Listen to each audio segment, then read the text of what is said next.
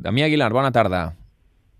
Bona tarda. Ja tenim el circ del MotoGP instal·lat a Austràlia, amb la ressaca encara del triomf de Marc Márquez. Se li nota a la cara que la celebració va ser llarga o ja té tan assumit que ja ho té recuperat, això? No, la veritat és que ha arribat ben, ha arribat ben fresc. Pensa que va sortir del Japó via Malàisia, que és una manera, diguem-ne, d'emprar moltes més hores en arribar a Austràlia. Eh, es va quedar una nit a Melbourne, eh, va tenir temps de recuperar-se tranquil·lament, a més a més no, no, no ha patit problemes de, de desfasament horari, i després ja, aquesta nit passada, ja, la, ja, ja ha estat a l'illa de Phillip Island i va aprofitar per fer una barbacoa amb la gent del seu equip i amb la gent de Dani Pedrosa. Avui al matí arribava, la veritat és que jo diria que fresquíssim i a més a més amenaçant, en, en el bon sentit que vol guanyar les tres que queden, saps? Per si algú tenia dubtes sobre el, el caràcter guanyador de Marc Márquez, que un cop ja ha garantit el títol, fins i tot es planteja aquestes tres curses que queden, doncs buscar també la victòria, com d'altra banda ja ho explicàvem dilluns, que era el més, el més probable. El que passa que hem de canviar de protagonista, perquè si fins ara estaven molt pendents del títol de Marc Márquez, ara és Tito Rabat qui ho té a tocar. Eh? Aquest cap de setmana pot haver-hi segon títol mundial català en aquesta temporada de motociclisme. Sí, en aquesta, vaja, no sé, en, en aquest moment tan dolç que, que els pilots catalans estan vivint, eh, jo diria, potser m'atreveixo a dir que és ara mateix el millor planter del món.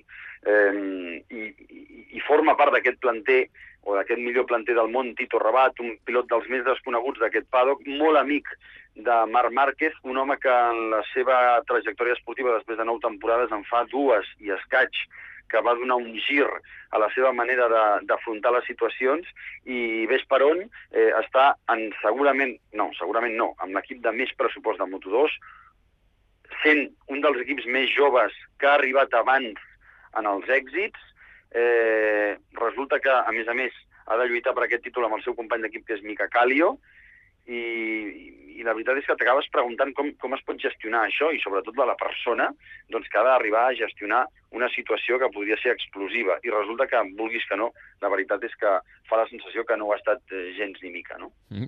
I per això has volgut eh, parlar amb el cap d'aquest equip, no? que té dos pilots lluitant pel títol mundial de, de Moto3 per saber com gestionen això dins de l'equip, no?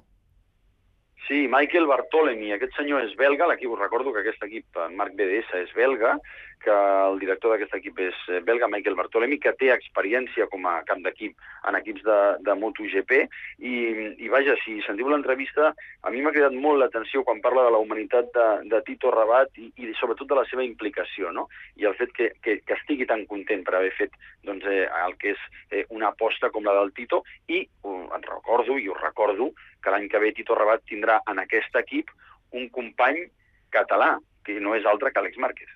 Doncs amb el cap d'equip de Tito Rabat i que a més a més és cap d'equip també de Mica Cali, el seu gran rival per aconseguir el títol aquest cap de setmana, doncs n'ha parlat el Damià Aguilar. Aquesta és la conversa. Parlem amb Michael Bartolemi, que és el director d'aquest equip, el Marc BDS, un equip belga, ell és belga, i és eh, l'equip amb el qual Tito Rabat pot proclamar-se aquest cap de setmana campió del món de Moto2. Podria ser que cap de setmana o podria ser més endavant, però sembla que, que està bastant donat. Michael, how are you?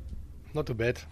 Vosaltres l'any passat vau lluitar pel títol de Moto2 amb l'Scott Redding. No sé si aquell moment i aquest són comparables, si el fet que aquí estigui veritablement a prop és diferent. No, sure, I think uh, for, uh, for basically still a young team because Som un equip uh, jove, de només 5 anys, i ja l'any passat vam lluitar pel títol. I aquí vam tenir la mala sort de l'accident de l'Escot, que es va trencar un canell. I al Japó era una setmana després i vam perdre, per tant, 50 punts en dues curses i el Pol Espargaró ens va guanyar. Però aquest any és diferent, perquè és bonic que els dos pilots estiguin al davant i això demostra que estem treballant bé, perquè no només un guanya, són els dos. I sobretot estic orgullós dels bons resultats del Tito, perquè estem parlant d'un pilot espanyol que venia d'un equip espanyol top a un equip belga i això sempre et porta pressió. Important for me was also to make good result with Tito because uh, in, in the beginning of the year, sure, when a, a Spanish rider go out of a top Spanish team to a Belgium team, which is not so... I ara anem trencant rècords. I guanyar el títol aquí, o almenys assegurar-lo pel nostre equip, seria molt bonic. And now to be in this position to, uh, yeah, to even win the championship here or secure the championship in the Mark VDS family is a nice, uh, yeah, is a nice uh, story for us. Quina mena de pilot és Tito Rabat? First of all, I think that uh, the, the, for me, the Primer de tot, el que més em va sorprendre és que és molt humà. I think that when you Quan no el coneixes o quan te'l mires de lluny, perquè és molt tímid, sembla que sigui arrogant. I ara que el conec bé, crec que és una de les millors persones que he conegut en 24 anys de professió.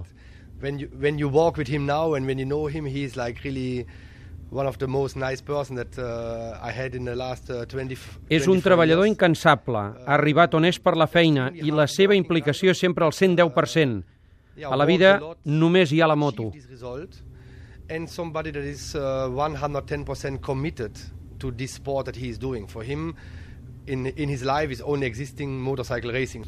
Tinc la sensació que en aquest equip tenim una situació bastant ideal, no? Perquè no m'imagino Rabat i Calio lluitant més enllà de la pista. Ja, said this, okay, we have still race, Bé, encara queden tres curses i espero que no passés.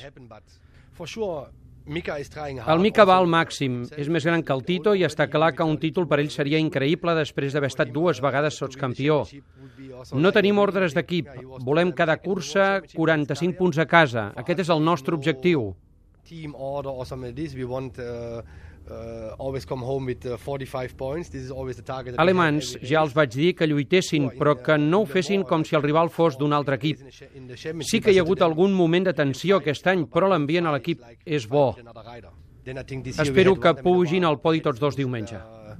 It was a little bit hot between the two, but in the end, still we have a good atmosphere in the team. Uh, I hope that uh, we will see them again both on the podium this weekend.